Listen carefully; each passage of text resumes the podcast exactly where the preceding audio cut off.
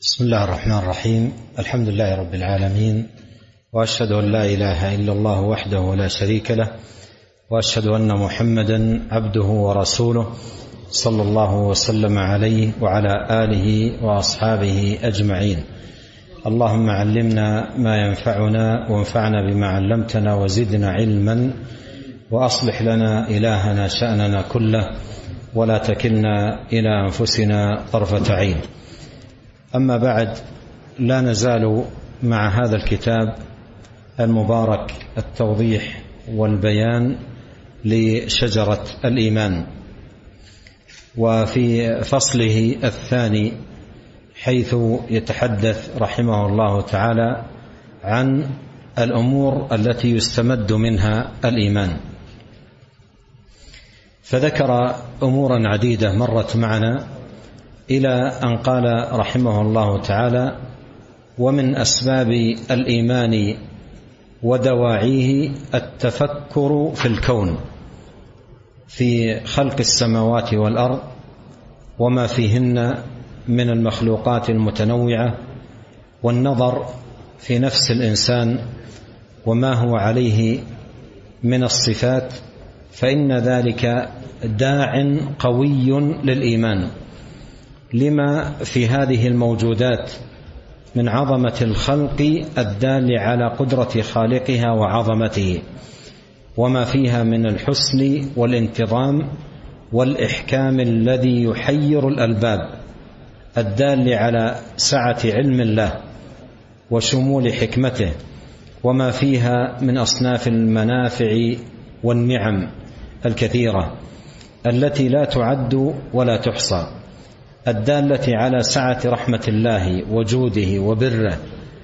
وذلك كله يدعو إلى تعظيم مبدعها وبارئها وشكره واللهج بذكره وإخلاص الدين له. وهذا هو روح الإيمان وسره. هذا ولا شك معاشر الكرام سبب عظيم من أسباب قوة الإيمان. وذلك أن النظر إلى هذه المخلوقات ليس نظرا اعتياديا مالوفا. كلنا ننظر إلى الجبال وننظر إلى السماوات وننظر إلى الأرض وإلى الأشجار نظرا معتادا. واحيانا يكون نظرنا لهذه الأشياء للنزهة والمتعة. لكن قل أن يكون النظر نظر تفكر واعتبار فإن هذا نوع آخر من النظر. وهو الذي قال الله سبحانه وتعالى عن أهله في أواخر سورة آل عمران إن في خلق السماوات والأرض واختلاف الليل والنهار لآيات لأولي الألباب ليست لكل أحد لأن أولو الألباب أي العقول القويمة يعملون عقولهم يعملون عقولهم تفكرا وتدبرا في هذه الآيات العظيمة الباهرة. ولهذا النظر إلى هذه المخلوقات يختلف من شخص إلى آخر لكن النظر النافع هو النظر الذي فيه تفكر واعتبار. تنظر إلى هذا المخلوق لتعرف من خلاله عظمة من خلقه وكمال من أبدعه سبحانه وتعالى. وكلما عمقت الفكر والنظر في هذه المخلوقات العجيبة تزداد تعظيما لمن خلقها. وهي تهديك إلى جوانب عديدة من كمال الرب سبحانه وتعالى. أشير إلى أمثلة ليتضح المقصود. عندما تنظر إلى هذه المخلوقات كثرة وعددا وتنوعا تذكر في تفكرك في هذه المخلوقات أن الرب سبحانه وتعالى أحاط بها كلها علما وأنه أحاط بهذه المخلوقات إحاطة تامة بعلمه الذي وسع كل شيء. ولهذا قال العلماء الخلق نفسه دليل على كمال علم الخالق. الخلق نفسه إيجاد هذا المخلوق هو بحد ذاته دليل على كمال علم الخالق. انظر هذا المعنى في قول الله سبحانه وتعالى ألا يعلم من خلق؟ ألا يعلم من خلق؟ فالخلق نفسه دليل. ولهذا في آخر آية من سورة الطلاق قال الله عز وجل الله الذي خلق سبع سماوات ومن الأرض مثلهن يتنزل الأمر بينهن. لماذا؟ لتعلموا أن الله على كل شيء قدير وأن الله قد أحاط بكل شيء علما. اذا هذه المخلوقات تدلك على كمال علم الخالق الخالق لهذه المخلوقات وعظمته سبحانه وتعالى. هذا جانب. إذا تفكرت فيها من جهة أخرى تجد أنها تهديك إلى كمال قدرة الرب سبحانه وتعالى. لتعلموا أن الله على كل شيء قدير. فخلق هذه المخلوقات الباهرة العجيبة المتنوعة هذا فيه دلال على دلالة على عظمة القدرة قدرة الرب سبحانه وتعالى وأن الله عز وجل على كل شيء قدير ولا يعجزه شيء سبحانه وتعالى. تنظر لها من جهة أخرى تدلك على جانب الرحمة. جانب الإنعام جانب اللطف جانب القوة. كثيرة آه، هذه الهدايات التي تراها في المخلوقات مرشدة لكمال خالقها ومبدعها. ولهذا قال القائل قديما وفي كل شيء له آية تدل على أنه الواحد. هذه المخلوقات آيات آيات منشورة أمام العبد. مبسوطة أمامه يرى فيها عظمة الخالق سعة علمه كمال قدرته آه، عظيم منه ورحمته سبحانه وتعالى. فهذه المعاني لا تظهر للعبد بكل نظر وإنما تظهر له بالنظر الذي هو نظر التفكر والإعتبار. ولهذا قال الشيخ رحمة الله عليه قال من من دواعي الإيمان التفكر في الكون. التفكر في الكون يعني من سماء وأرض ليلا ونهار آه، بحار وأشجار جبال وأودية إلى غير ذلك التفكر في هذه المخلوقات والتأمل فيها يهدي من تفكر إلى كمال آه، من خلقها. انظر إلى جانب آخر يشير إليه رحمه الله. يقول وكذلك النظر إلى فقر المخلوقات كلها. هذا أيضا جانب واضح جدا في في تأمل العبد في هذه المخلوقات. هذه المخلوقات فقيرة إلى آه، من خلقها من أوجدها. فقيرة إليه من كل وجه وهو سبحانه وتعالى غني عنها كلها من كل وجه. مثل ما قال الله سبحانه وتعالى يا أيها الناس أنتم الفقراء. إلى الله والله هو الغني الحميد. قال وكذلك النظر إلى فقر المخلوقات كلها واضطرارها إلى ربها من كل الوجوه وأنها لا تستغني عنه طرفة عين. لماذا لا تستغني عنه طرفة عين؟ لأن قيامها أصلا به.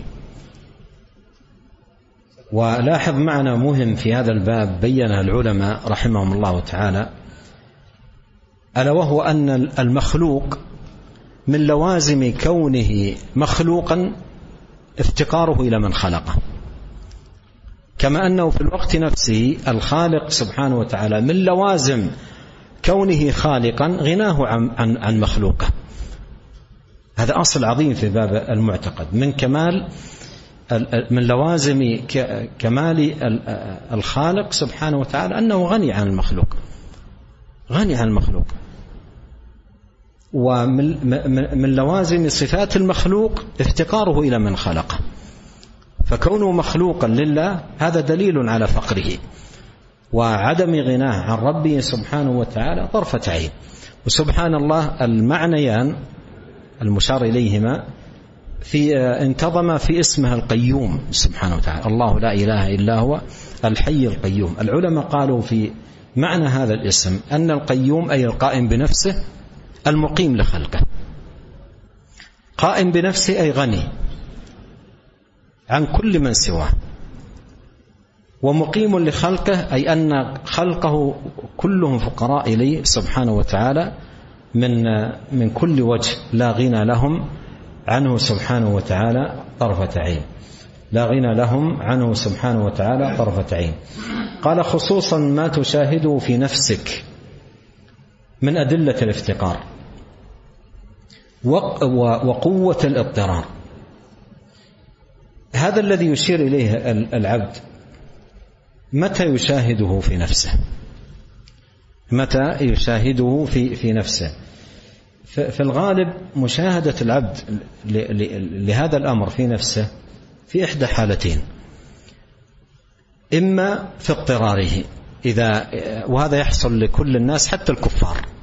اضطراره شدته الضائقة العظيمة به من مرض أو نازلة أو مصيبة تجده يعلن افتقاره إلى الله. يعلن افتقاره إلى الله يعلن احتياجه إلى الله يقبل على الله بالدعاء. حتى المشرك يخلص في تلك الحالة. إذا ركبوا في الفلك دعوا الله مخلصين له الدين. فلما نجاهم إلى البر إذا هم يشركون. فحال الشدة يظهر للعبد فيها شدة افتقاره لله. المرض الضائقة المصيبة إلى غير ذلك يظهر للعبد فيها افتقاره إلى الله ولهذا يكثر إلحاحة على الله ولجوء إلى الله وصدقه في الدعاء والالتجاء إلى إلى الله سبحانه وتعالى. ولهذا قال الله أمن يجيب المضطر إذا دعاه ويكشف السوء. لأنه متقرر عندهم أن المضطر لا يكشف ضره إلا الله. سبحانه وتعالى. هذه حالة. الحالة الثانية حالة قوة الإيمان. قوة الإيمان والمعرفة بالله وبصفاته وعظمته جل وعلا. وزوال الغفلة التي تغطي عقل الإنسان فتعيق عن عن هذا عن هذا الافتقار لله سبحانه وتعالى. ولهذا الإيمان الإيمان القوي بالله سبحانه وتعالى يظهر معه افتقار العبد المؤمن لله. ولهذا أيضا قال العلماء وهو معنى أيضا مهم في هذا الجانب الافتقار إلى الله عز وجل. قال العلماء رحمهم الله آه، افتقار العبد إلى الله من جهتين من جهة العبادة ومن جهة الاستعانة. من جهة العبادة ومن جهة الاستعانة. ما معنى ذلك؟ من جهة العبادة العبد فقير إلى الله من جهة العبادة لأنه لا يمكن أن تصلح حاله طمأنينة وراحة وسعادة وقرة عين في الدنيا والآخرة إلا إذا صار عبدا لله. لا يمكن أن يسعد لا يمكن أن أن يهنأ لا يمكن أن يطمئن قلبه إلا إذا صار عبدا لله حقق العبودية لله فهو فقير إلى أن يكون عبد لله. أحواله كلها ما تصلح لا, لا, لا الدينية ولا الدنيوية ولا الأخروية. إلا إذا كان عبدا لله سبحانه وتعالى من عمل صالحا من ذكر أو أنثى وهو مؤمن فلنحيينه حياة طيبة. هذا في الدنيا. ولنجزينهم أجرا بأحسن ما كانوا يعملون. هذا في الدار الآخرة. فإذا هو فقير من جهة العبادة الناحية الأخرى فقير من جهة الاستعانة. لماذا؟ لأنه لا يمكن أن يكون عبدا لله ولا يمكن أن تصلح له أي حال من أحواله إلا إذا أعانه الله فهو فقير إلى الله أن يعينه. وهذان المعنيان اجتمعا في قول الله سبحانه في سورة الفاتحة إياك نعبد وإياك نستعين. ولهذا سورة الفاتحة كما بين العلماء تعلمك الافتقار إلى الله. تعلمك فقرك إلى الله. تعلمك أنك, أنك عبد فقير إلى إلى الله سبحانه وتعالى لا تستغني عنه في طرفة عين. لا تستغني عنه في نفس في أي لحظة من لحظاتك. يقول وذلك أي أي حالة الافتقار التي هي عند قوة الاضطرار يقول وذلك يوجب للعبد كمال الخضوع وكثرة الدعاء والتضرع إلى الله في جلب ما يحتاجه من منافع دينية ودنيوية ودفع ما يضره في دينه ودنياه ويوجب له قوة التوكل على ربه وكمال الثقة بوعده وشدة الطمع في بره وإحسانه. وبهذا يتحقق الإيمان ويقوى التعبد فإن الدعاء مخ العبادة وخالصها. سبحان الله انظر هذه الخيرات التي ترتب بعضها على بعض. يعددها رحمه الله تعالى. كيف أنها تنهض مع العبد وتنشأ معه وتتنامى عنده عندما يعمل هذا التفكر والتأمل في عظمة هذا الخالق العظيم سبحانه وتعالى.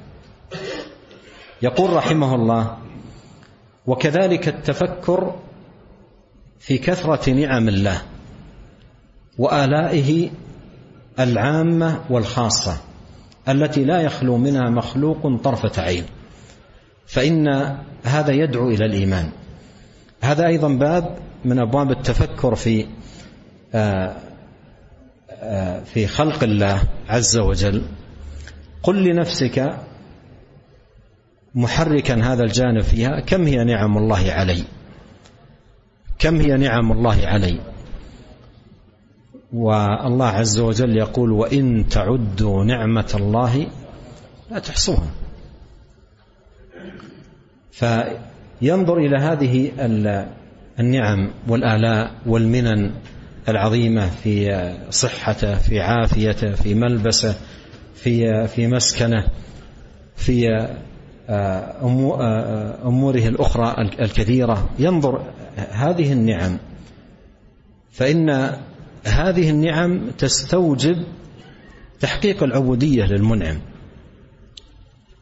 وتمام الذل إليه سبحانه وتعالى.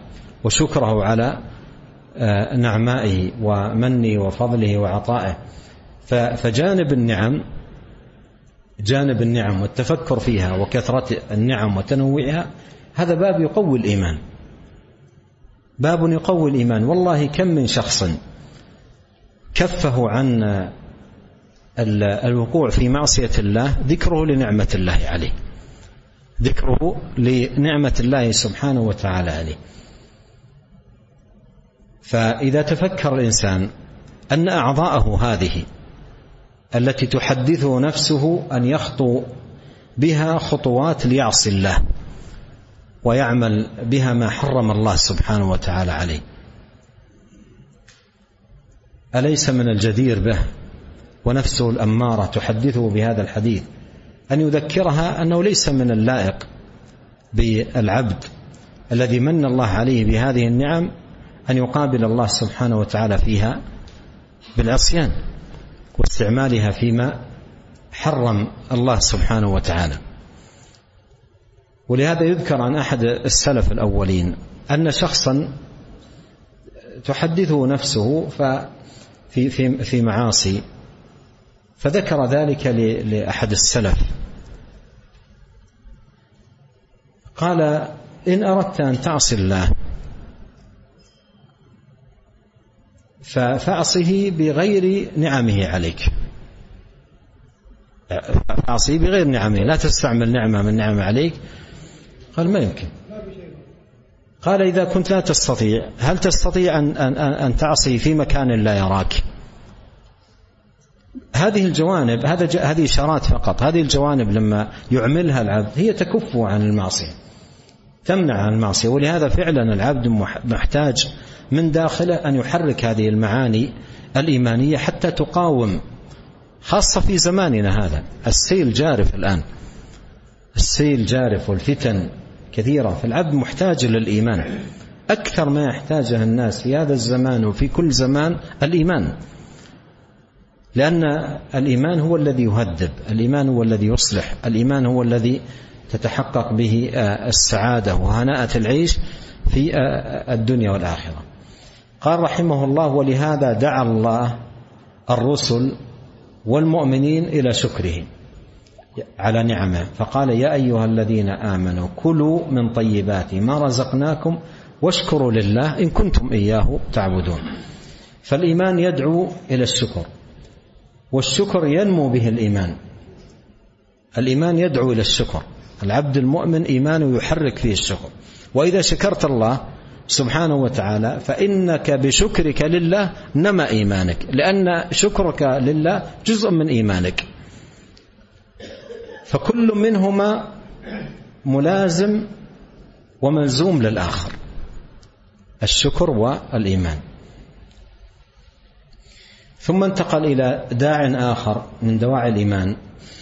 قال ومن أسباب دواعي الإيمان الإكثار من ذكر الله في من ذكر الله كل وقت.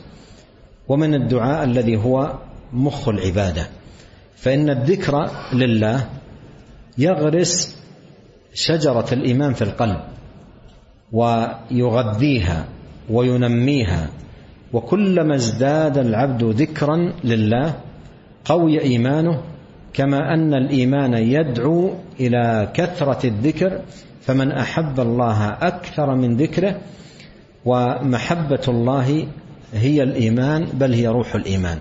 هذه الآن يذكرها رحمه الله تعالى معاني مترابطة. معاني مترابطة.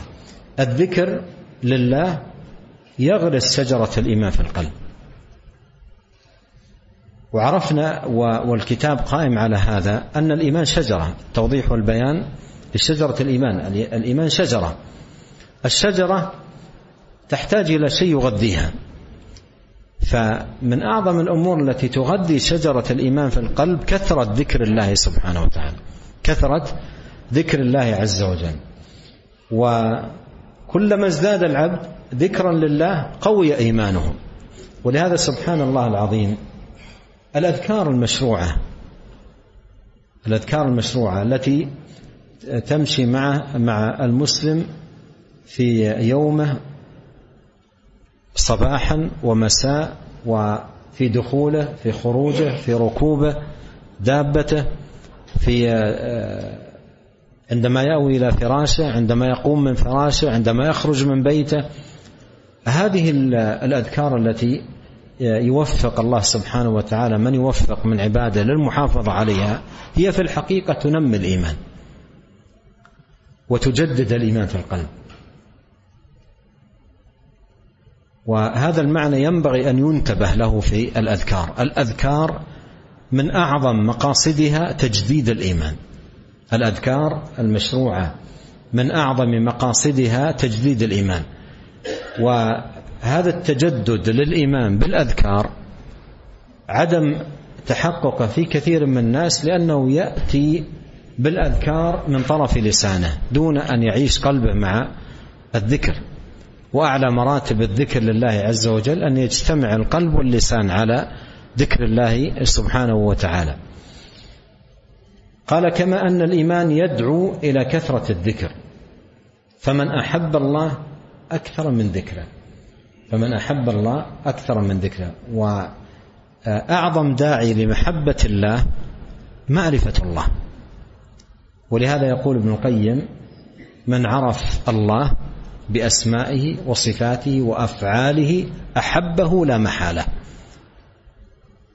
ويعظم هذا الحب ويقوى ويزيد بقوة المعرفة بالله سبحانه وتعالى والناس يتفاوتون في هذا تفاوتا عظيما. قال ومن الأسباب الجالبة للإيمان معرفة محاسن الدين فإن الدين الإسلامي كله محاسن. الدين الإسلامي كله محاسن. عقائده أصح العقائد وأصدقها وأنفعها وأخلاقه أحمد الأخلاق وأجملها وأعماله واحكامه أحسن الأحكام وأعدلها. وبهذا النظر أي إلى حسن الدين عقيدة وعبادة وسلوكا بهذا النظر الجليل يزين الله الإيمان في قلب العبد ويحببه إليه كما امتن به على خيار خلقه بقوله ولكن الله حبب إليكم الإيمان وزينه في قلوبكم فيكون الإيمان في القلب أعظم المحبوبات وأجمل الأشياء. وبهذا يذوق العبد حلاوة الإيمان ويجدها في قلبه فيتجمل الباطن بأصول الإيمان وحقائقه وتتجمل الجوارح بأعمال الإيمان وفي الدعاء الماثور اللهم زينا بزينة الإيمان واجعلنا هداة مهتدين. معرفة محاسن الدين مثل ما ذكر رحمه الله تعالى لها ثمرة في المؤمن ولها ثمرة في غير المؤمن. وكثير من الدعاة للإسلام دعاة غير المسلمين للإسلام أكثر ما يشتغلون عليه في الدعوة للإسلام من خلال عرض محاسن الدين الإسلامي. حتى إنني قرأت مرة للإمام ابن باز رحمه الله تعالى يقسم بالله في أحد كتبه يقول والله الذي لا إله إلا هو لو بينت محاسن الدين الإسلامي للناس كما ينبغي لدخلوا في دين الله أفواجا. لدخلوا في دين الله أفواجا. ولهذا كثير من غير المسلمين أسلم في مسألة واحدة من حسن الدين. أسلم في في مسألة واحدة من حسن الدين. فكيف إذا عرضت عليه المحاسن الكثيرة؟ عدد من غير المسلمين أسلم ودخل في الإسلام من آه، خلال آه، آه، معرفته بباب واحد أو مجال واحد من محاسن الدين. كيف لو تعرض عرضا جيدا على غير المسلمين محاسن الدين الإسلامي؟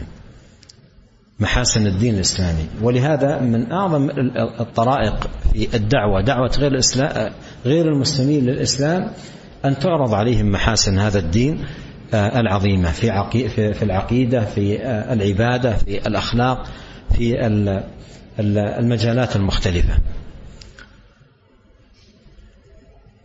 وأيضا محاسن الدين الإسلامي تفيد المؤمن.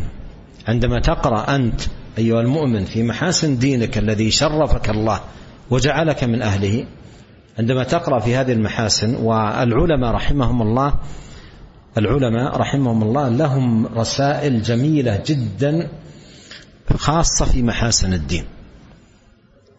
وحقيقة مهم قراءتها مهم جدا قراءتها ابن سعدي رحمة الله عليه له رسالة جدا جميلة اسمها الدرة المختصرة في محاسن الدين الإسلامي. صغيرة جدا لكنها جميلة جدا في عد آه، آه، محاسن الدين. هذه المحاسن لما تقرأها أنت محتاج فعلا أن تقرأها. لماذا؟ لأنك كلما ازددت معرفة وتوسع بمحاسن الدين أقبلت عليه. انظر إلى أمورنا الخاصة. انظر إلى أمورنا الخاصة. مثلا في شراء الإنسان لحاجة من الحاجيات.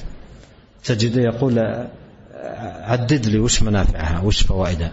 إذا بسط له محاسن كثيرة اشتراها مباشرة وأقبل عليها بدون تردد. فمحاسن أحيانا حتى أحيانا يكون عندك شيء ولا تستعمله. ويأتي شخص ويقول لك الشيء الفلاني مفيد في كذا ومفيد في كذا ومفيد في كذا ومن فوائده كذا إلى آخره. تقول والله عندي في البيت ما عندي في البيت والله ما ما دريت عنه. وتجدك تقبل عليه. لما عرفت بمحاسنه وفوائده الكثيرة. فكيف بهذا الدين العظيم؟ ولهذا فعلا المسلم يحتاج إلى أن يعرف محاسن الدين. الإسلامي وأن يقرأ عن محاسن الدين الإسلامي لأن من فائدة هذه المعرفة أنها كما وضح الشيخ تزيد الإيمان وتقويه. قال رحمه الله تعالى ومن أعظم مقويات الإيمان الاجتهاد في التحقق في مقام الإحسان في عبادة الله والإحسان إلى خلقه. وهذا الجانب الذي يشير إليه هنا هو جانب علي رفيع جدا في رتب الإيمان لأن الإيمان رتب ودرجات.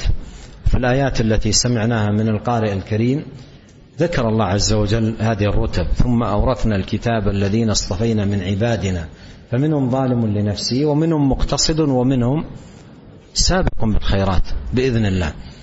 فالسابق بالخيرات رتبته علية جدا وهو المحسن.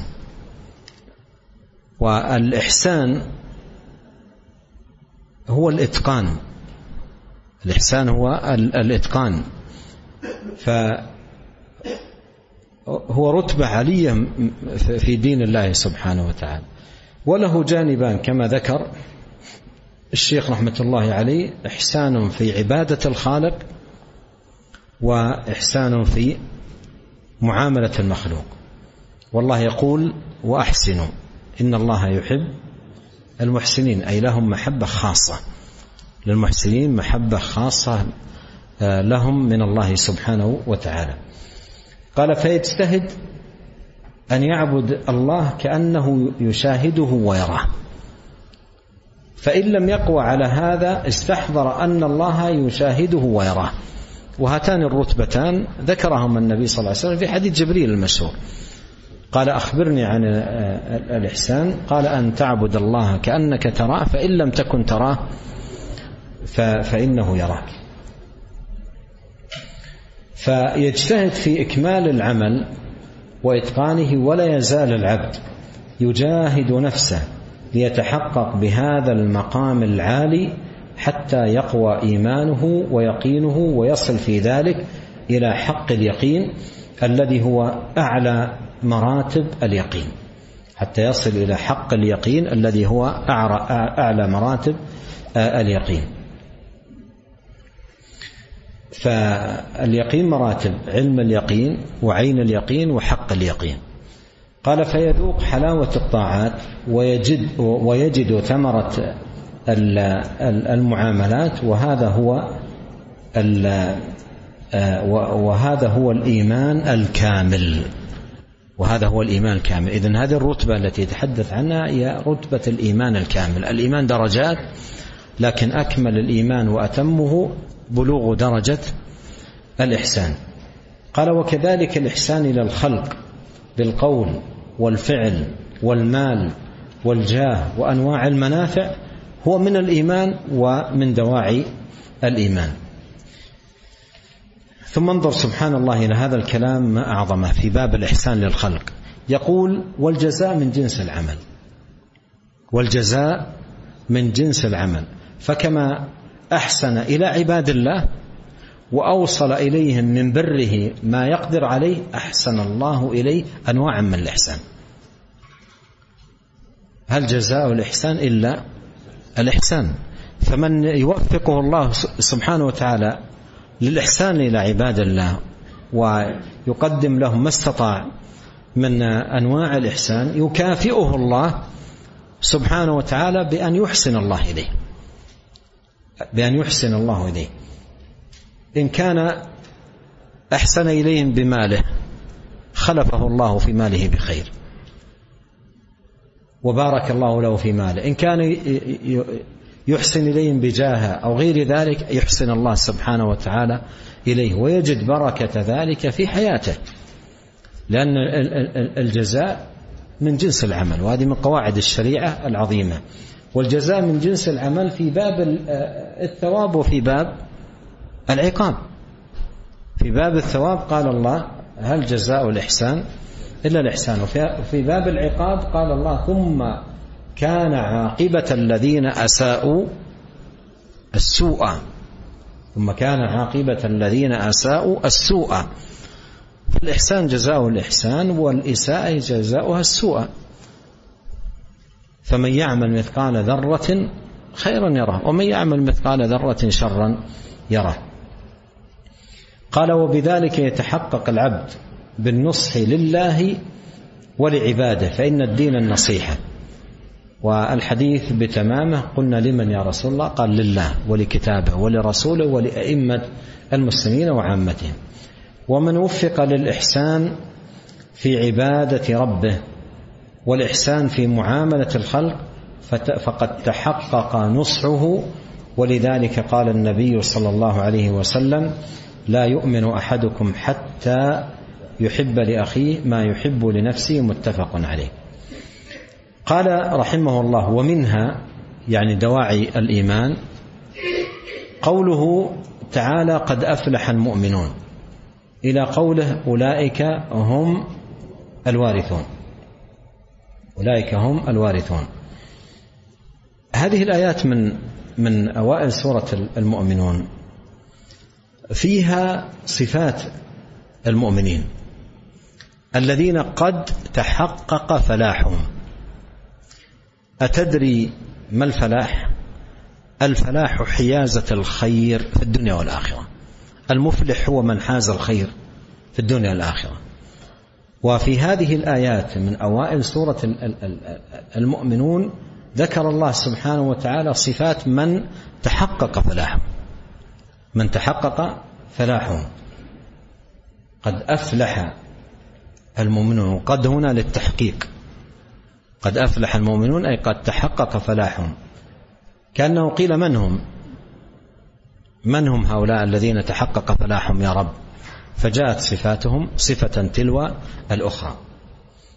بدأت صفاتهم بالصلاة وختمت صفاتهم بالصلاة.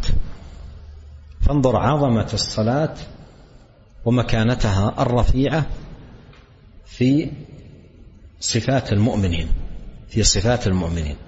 فذكر الله عز وجل الصلاة في أول صفاتهم وذكرها في خاتمة صفاتهم. قال ومنها قوله تعالى قد أفلح المؤمنون إلى قوله أولئك هم الوارثون قال رحمه الله فهذه الصفات الثمان فهذه الصفات الثمان كل واحدة منها تثمر الإيمان وتنميه كما أنها من صفات الإيمان وداخلة في تفسيره كما تقدم. لا الشيخ يقول الصفات الثمان لنتأمل في عددها صفة صفة والشيخ أيضا شرحها.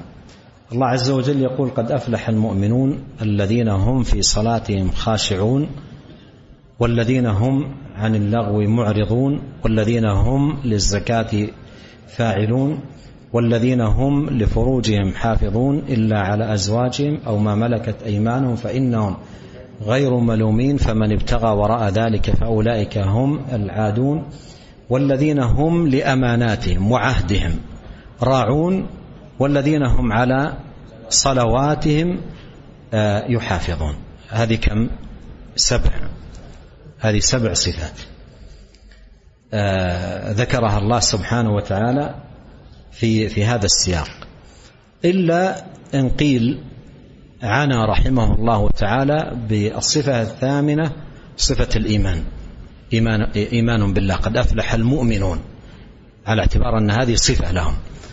فهذا احتمال. والاحتمال الآخر أن يكون آه، آه، العدد التبس على الشيخ مع السياق الذي جاء في سورة الإنسان في سورة سأل. ففي سورة سأل آه، ذكرت هذه الصفات والعدد هناك ثمان. العدد هناك ثمان. قال فهذه الصفات الثمان كل واحدة منها تثمر الإيمان وتنميه كما أنه من صفات كما أن من صفات الإيمان وداخلة في تفسيره كما تقدم. ثم وضحها رحمه الله. توضيحا جميلا لنتأملها. قال فحضور القلب في الصلاة. لأن الله قال في صلاتهم خاشعون. فحضور القلب في الصلاة.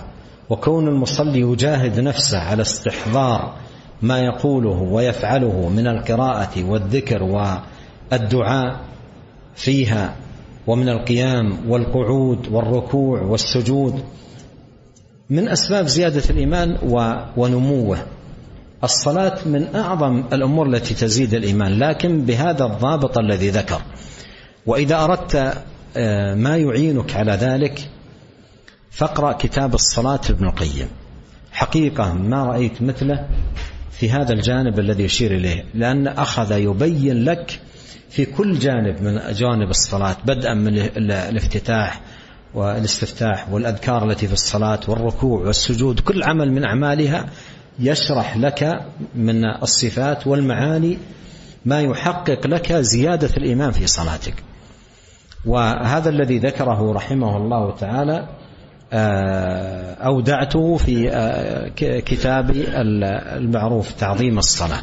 نقلت كلام القيم رحمه الله المتعلق بهذا المعنى نقلته بتمامه. وهو كلام عظيم جدا كبير الفائدة في بيان أعمال الصلاة وكيف أن هذه الأعمال عندما تتأملها ببسط أو بالبسط الذي ذكره رحمه الله كيف ترى لها الأثر العظيم عليك في زيادة إيمانك بصلاتك؟ في زيادة إيمانك بصلاتك. قال رحمه الله وتقدم أن الله سمى الصلاة إيمانا. انظر مكانة الصلاة في هذه الآية بقوله وما كان الله ليضيع إيمانكم أي صلاتكم. الله سمى الصلاة في هذه الآية إيمانا. وإنما سميت الصلاة إيمانا لأنها فعلا برهان الإيمان ودليله. لأنها برهان الإيمان ودليل الإيمان. ولهذا هذا المعنى النبي صلى الله عليه وسلم وضح في قوله عندما ذكرت الصلاة قال من حافظ عليها ماذا؟ كانت له نورا وبرهانا ونجاة يوم القيامة. ومن لم يحافظ عليها لم يكن له نور ولا برهان ولا نجاة. ما معنى برهان؟ برهان على إيمانه. برهان أن إيمانه صادق. فالذي لا يحافظ على الصلاة لا يحافظ على الصلاة عدم محافظته على صلاته دليل على عدم صدق إيمانه. لأنه لو صدق الله في إيمانه لحافظ على الصلاة. وهذا المعنى موجود في الآية. قد أفلح المؤمنون الذين هم في صلاتهم خاشعون. ثم قال في التمام والذين هم على صلواتهم يحافظون. محافظة تامة. فهذا برهان الإيمان ودليله. ولهذا سميت الصلاة إيمانا. قال وما كان الله ليضيع إيمانكم. وقوله وأقم الصلاة. إن الصلاة تنهى عن الفحشاء والمنكر ولذكر الله أكبر. فهي أكبر ناه عن كل فحشاء ومنكر ينافي الإيمان كما أنها تحتوي على ذكر الله الذي يغذي الإيمان وينميه لقوله ولذكر الله أكبر. هنا انتبه إلى جانبين. الشيخ أشار إلى أحدهما. الصلاة مثل ما قال فيه أكبر ناه ودليل ذلك الآية إن الصلاة تنهى. فالصلاة فيها أكبر ناهي وفي الوقت نفسه فيها أيضا أكبر معونة على الخير. الصلاة تنهى عن الشر وتعين على الخير. ولهذا قال الله استعينوا بالصبر والصلاة. استعينوا بالصبر والصلاة. فالصلاة فيها معونة على الخير وفيها نهي عن الشر. انظر عظمة الصلاة. الصلاة فيها معونة على الخير وفيها نهي عن الشر. دليل كونها فيها معونة استعينوا بالصبر والصلاة. ودليل أنها فيها النهي عن الشر أقم وأقم الصلاة إن الصلاة تنهى. عن الفحشاء والمنكر ولذكر الله أكبر. قال والزكاة كذلك تنمي الإيمان وتزيده. وهي فرضها ونفلها. كما قال النبي صلى الله عليه وسلم برهان على إيمان صاحبها. وذلك في الحديث والصدقة برهان. الصدقة برهان أي على إيمان صاحبها. فهي دليل الإيمان وتغذيه وتنميه. الأمر الثالث قال والإعراض عن اللغو الذي هو كل كلام لا خير فيه وكل فعل لا خير فيه بل يقولون الخير ويفعلون ويتركون, ويتركون الشر قولا وفعلا. لا شك أنه من الإيمان ويزيد به الإيمان ويثمر الإيمان. طيب إذا كان ترك اللغو ترك اللغو ومجالس اللغو قولا وفعلا. يزيد يزيد الإيمان. عندما يعرض عنها يبتعد عنها في حفظ للإيمان وفي زيادة له عندما يبتعد عن مجالس اللغو. انظر مقابل ذلك الانغماس في مجالس اللغو ماذا يترتب عليه؟ ماذا يترتب عليه؟ كم من مجالس لغو كم من مجالس لغو حرمت الجالسين من الصلاة؟ التي فريضة الله عز وجل. كم من مجالس لغو تافهة حقيرة لا خير فيها حرمت الجالسين من الصلاة. حتى إن بعض الناس في بعض مجالس اللغو يسمع النداء. الله أكبر الله أكبر. حي على الصلاة حي على الصلاة ويبقى في مجلس اللغو. وتخرج الصلاة فريضة الله عليه. تخرج. وينتهي وقتها. إن الصلاة كانت على المؤمنين كتابا موقوتا وهو مستمر في اللغو. وانظر في هذا الجانب اللغو الذي في الأجهزة الآن والمشاهدات الآثمة. كم من أناس يفتح الجهاز ويجلس في غرفته يشاهد مشاهدات آثمة وإلى جنبه المسجد. ينادى للصلاة ويسمع النداء ويبقى مع اللغو. يبقى مع اللغو. ولهذا من من من عظيم صفات المؤمنين الإعراض عن اللغو والذين هم عن اللغو معرضون. لماذا؟ لأن المجالس مجالس اللغو مهلكة للإنسان. مجالس اللغو مهلكة مهلكة للإنسان. تدمره من حيث يشعر أو لا يشعر. فيها خطورة عظيمة.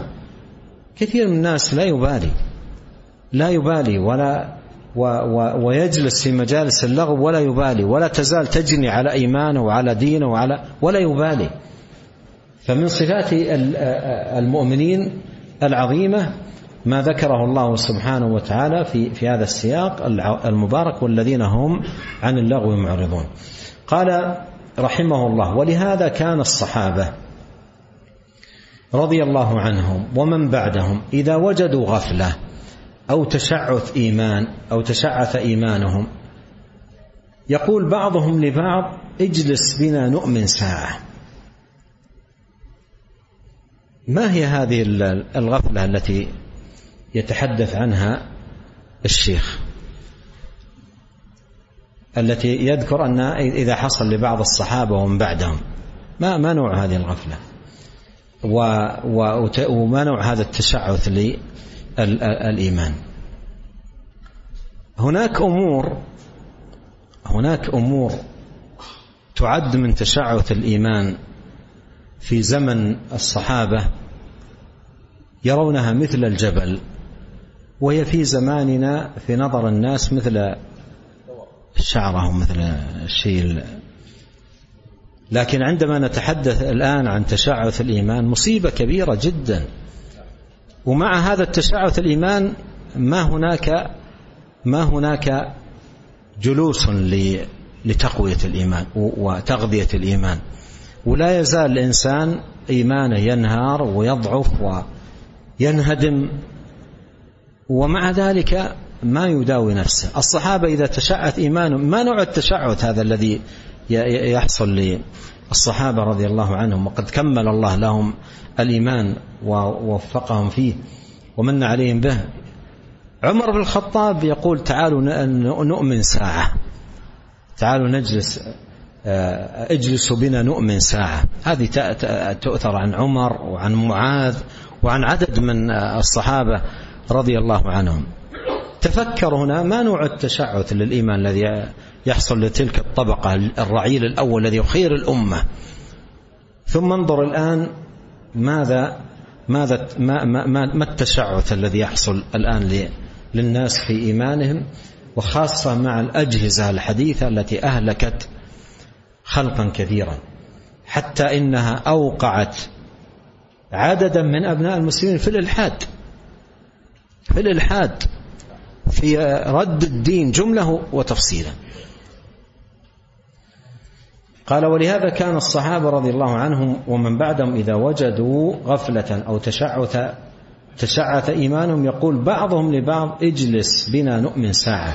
فيذكرون الله ويذكرون نعمه الدينية والدنيوية فيتجدد بذلك إيمانهم.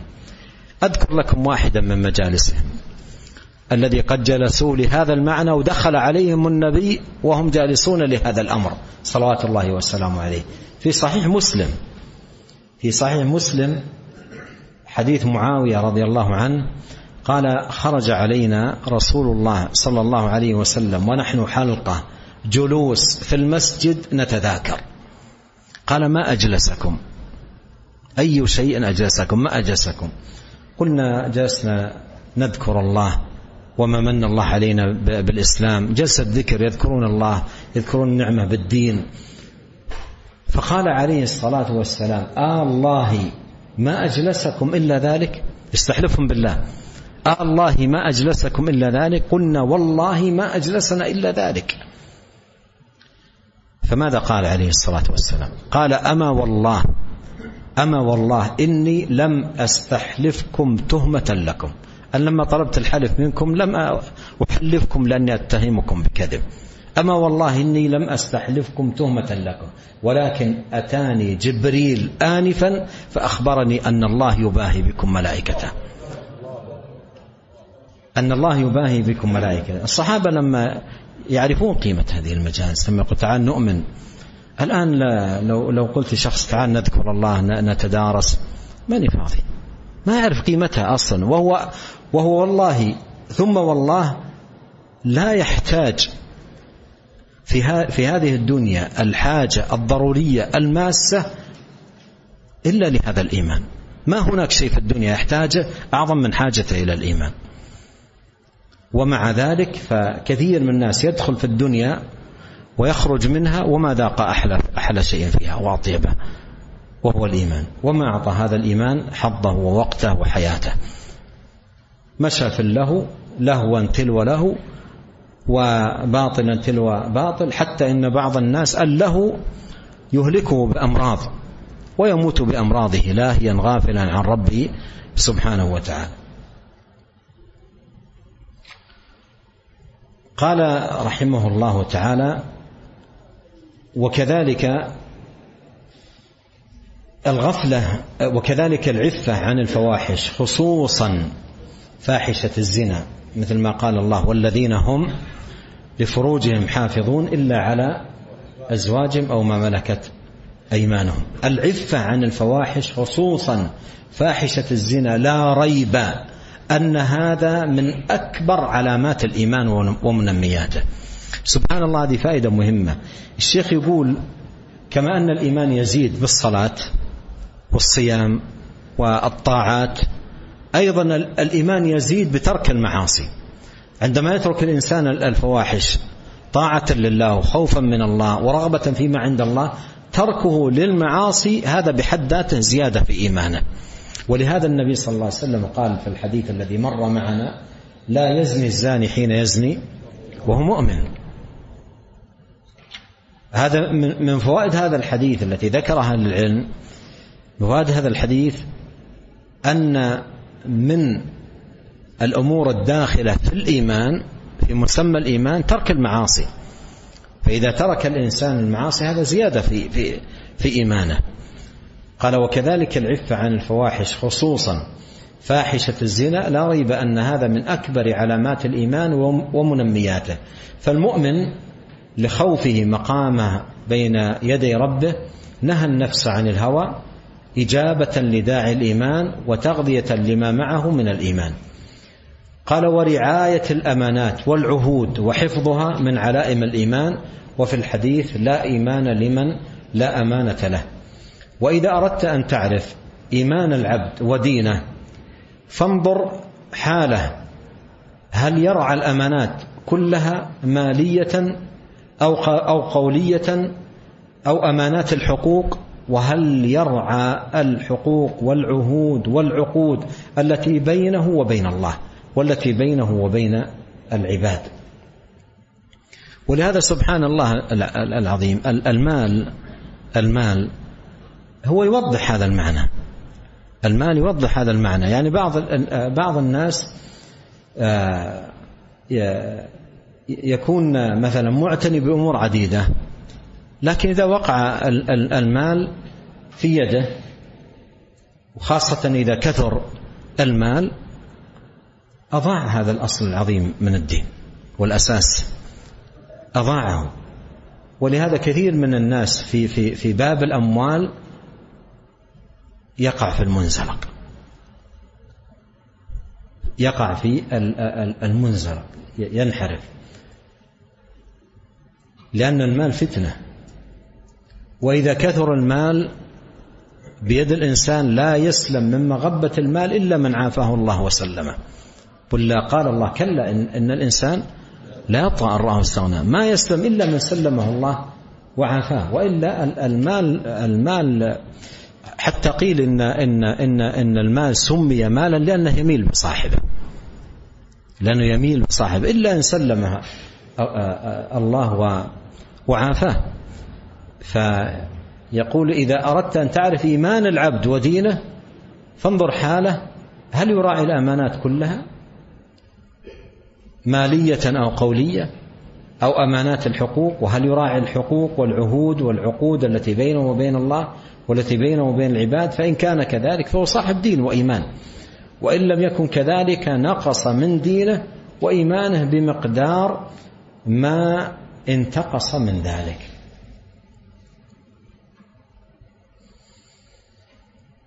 قال وختمها أي الله ختم صفات المؤمنين بالمحافظة على الصلوات على حدودها وحقوقها وأوقاتها لأن المحافظة على ذلك بمنزلة الماء الذي يجري على بستان الإيمان فيسقيه وينميه ويؤتي أكله كل حين. وشجرة الإيمان كما تقدم محتاجة إلى تعاهد كل وقت بالسقي وهو المحافظة على أعمال الإيمان أعمال اليوم والليلة من الطاعات والعبادات وإلى إزالة ما يضرها من الصخور والنوابت الغريبة الضارة وهو العفة عن المحرمات قولا وفعلا. فمتى تمت هذه الأمور حي هذا البستان وزهى وأخرج الثمار المتنوعة.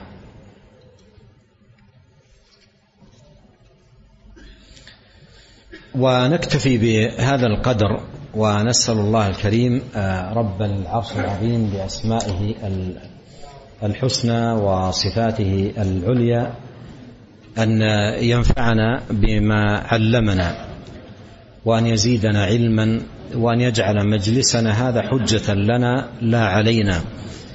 وأن يزيدنا إيمانا وتقى. اللهم أصلح لنا ديننا الذي هو عصمة أمرنا وأصلح لنا دنيانا التي فيها معاشنا وأصلح لنا آخرتنا التي فيها معادنا واجعل الحياة زيادة لنا في كل خير والموت راحة لنا من كل شر. اللهم اغفر لنا ولوالدينا ووالديهم وذرياتهم وللمسلمين والمسلمات والمؤمنين والمؤمنات الأحياء منهم والأموات. اللهم إنا نسألك الهدى والتقى والعفة والغنى. اللهم إنا نسألك الثبات في الأمر والعزيمة على الرشد. ونسألك موجبات رحمتك وعزائم مغفرتك. ونسألك شكر نعمتك وحسن عبادتك. ونسألك قلبا سليما ولسانا صادقا. ونسألك من خير ما تعلم. ونعوذ بك من شر ما تعلم. ونستغفرك لما تعلم. إنك أنت علام الغيوب. اللهم أعنا ولا تعن علينا. وانصرنا ولا تنصر علينا. وامكر لنا ولا تمكر علينا. واهدنا ويسر الهدى لنا. وانصرنا على من بغى علينا. اللهم اجعلنا لك ذاكرين لك شاكرين إليك أواهين منيبين لك مخبتين لك مطيعين. اللهم تقبل توبتنا واغسل حوبتنا وثبت حجتنا واهد قلوبنا وسدد ألسنتنا واسلل سخيمة صدورنا. اللهم اقسم لنا من خشيتك ما يحول بيننا وبين معاصيك ومن طاعتك ما تبلغنا به جنتك ومن اليقين ما تهون به علينا مصائب الدنيا. اللهم متعنا بأسماعنا وأبصارنا وقوتنا ما أحييتنا واجعله الوارث منا واجعل ثأرنا على من ظلمنا وانصرنا على من عادانا ولا تجعل مصيبتنا في ديننا ولا تجعل الدنيا أكبر همنا ولا مبلغ علمنا ولا تسلط علينا من لا يرحمنا. سبحانك اللهم وبحمدك أشهد أن لا إله إلا أنت أستغفرك وأتوب إليك. اللهم صل وسلم على عبدك ورسولك نبينا محمد وآله وصحبه.